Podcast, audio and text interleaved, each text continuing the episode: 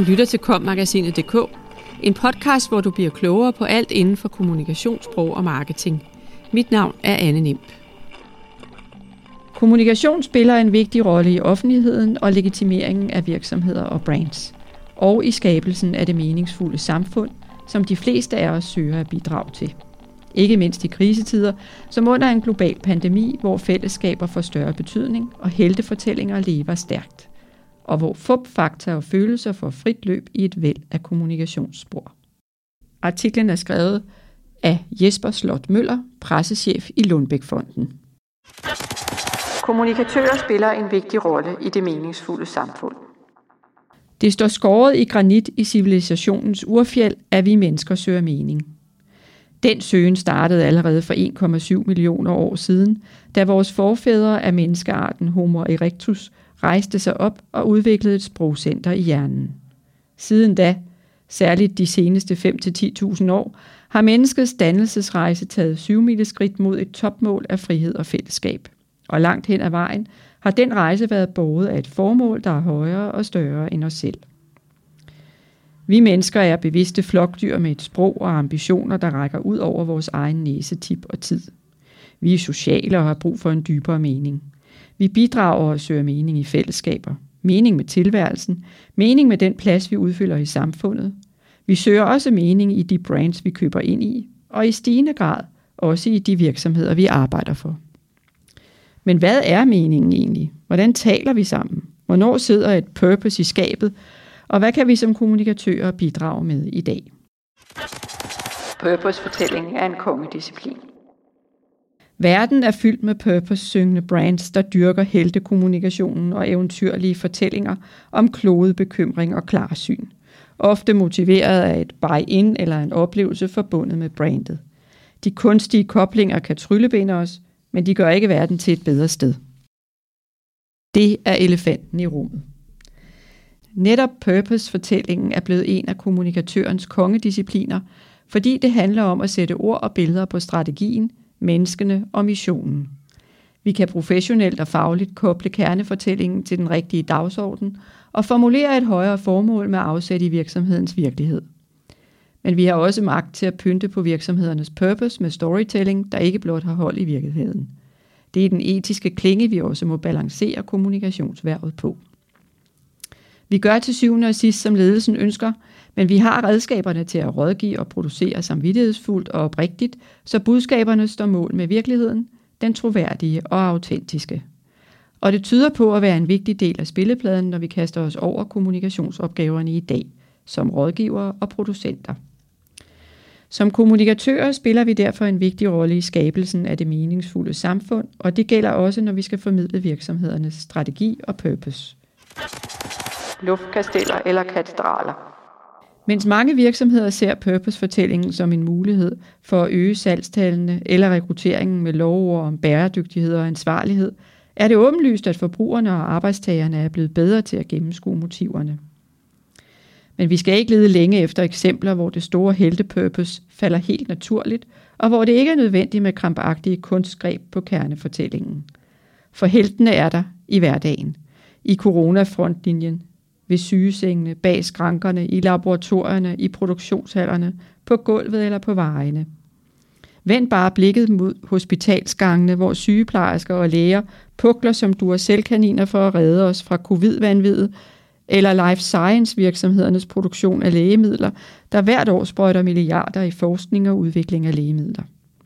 De er sat i verden for at redde eller forbedre vores liv.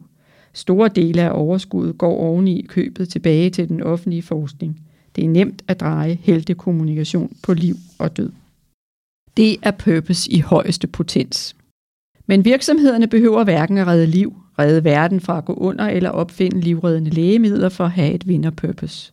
Et godt purpose handler i lige så høj grad om at være tro mod sig selv og sit brand. Det gælder også, når virksomhederne skal rekruttere de bedste kandidater.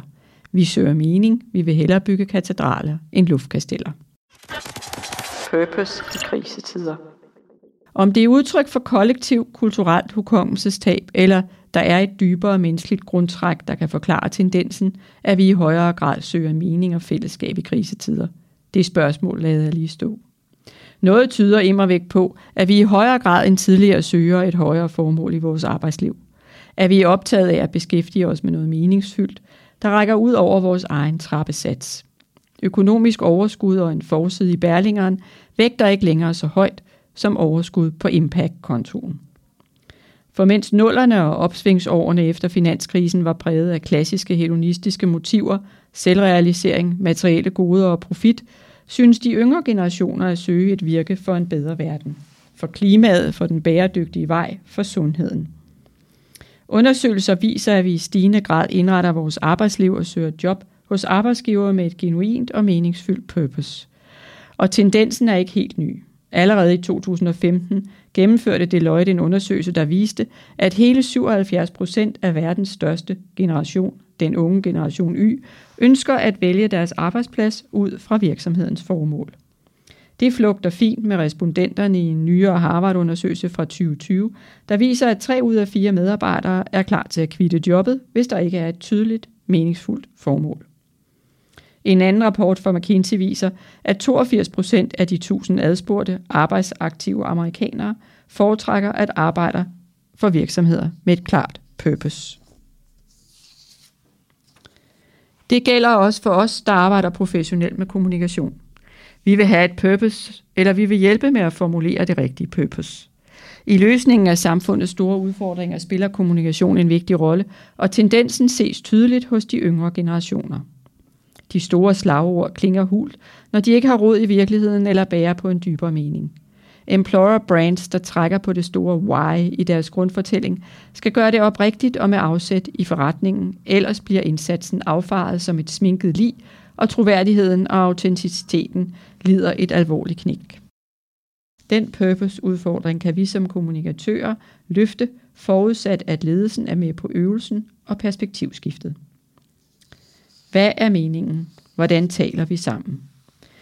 Skal vi blive bedre til at kommunikere vores purpose til omverdenen, skal vi også blive bedre til at lytte og tage del i samtaler, der ikke nødvendigvis kommer fra os selv eller bevæger sig i de samme bobler, vi plejer at færdes i. Samtaler, der kan styrke relationerne eller øge forståelsen af vores forskelligheder.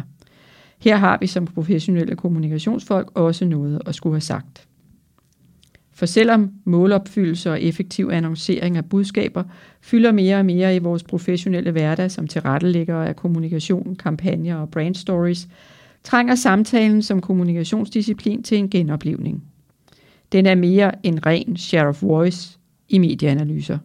Det er også en ventil i en verden, der i stigende grad foregår digitalt, på nettet, over mailen eller på sociale medier – hvor den ofte bliver tilspidset og påvirket af den naturlige boblebias, hvor følelser har det med at overskygge fakta. Og her kommer vi kommunikatører også ind i billedet. Vi kan bidrage med vores faglighed, skabe mening og formidle budskaber ved at facilitere samtalerne, så de ikke partout kører sporet. Bekæmp bias og faktaresistens i boblerne.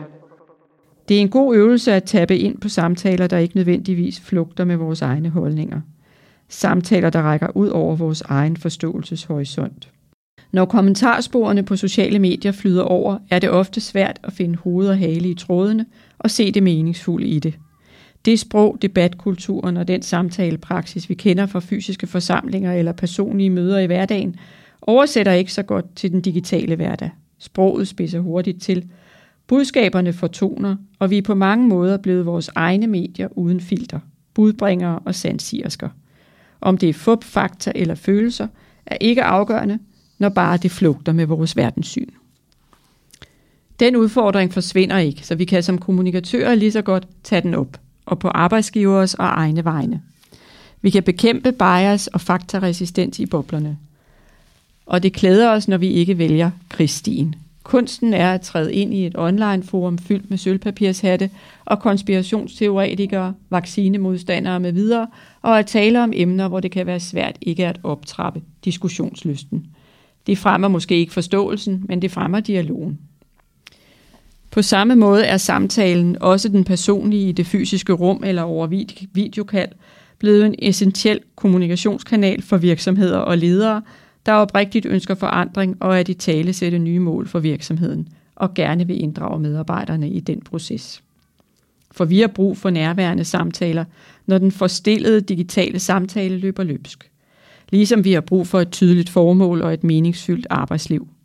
Vi bliver tiltrukket af de udbytterige og åbne møder, det håndgribelige og således det forandringspotentiale, som det personlige møde har. Personlige samtaler er ressourcekrævende, ja vist, men de kan også sætte skub i forandringer og give næring til purpose-fortællingen for alvor. Som professionelle kommunikatører kan vi med fordel facilitere den fysiske samtale bevidst og bruge den strategisk som værktøj på lige fod med andre kommunikationskanaler. Og i skarp kontrast til det digitale liv og de sociale medier, der kan distancere os og øge til falsificeringen i samfundet. Det meningsfulde samfund. Kommunikation spiller en vigtig rolle i offentligheden og legitimeringen af virksomheder og brands, og i skabelsen af det meningsfulde samfund, de fleste af os søger at bidrage til. Ikke mindst i krisetider som under en global pandemi, hvor fællesskaber får større betydning og heltefortællinger lever stærkt, og hvor fup, fakta og følelser får frit løb i et væld af kommunikationsspor. Der findes ikke en drejebog eller enkelt opskrift på et meningsfyldt arbejdsliv. Men det er min påstand, at vi som kommunikatører kan bidrage stærkt til meningsskabelsen og formuleringen af det rigtige purpose. Det er om noget meningsfyldt. Du lyttede til kommagasinet.dk, podcasten til dig, som elsker kommunikationssprog og marketing. Subscribe, del og lyt med i næste uge. Podcasten er indtalt af Anne Nimb og Ask Lermand, produceret af Mark Justesen Pedersen og udgivet af Kommunikation og Sprog.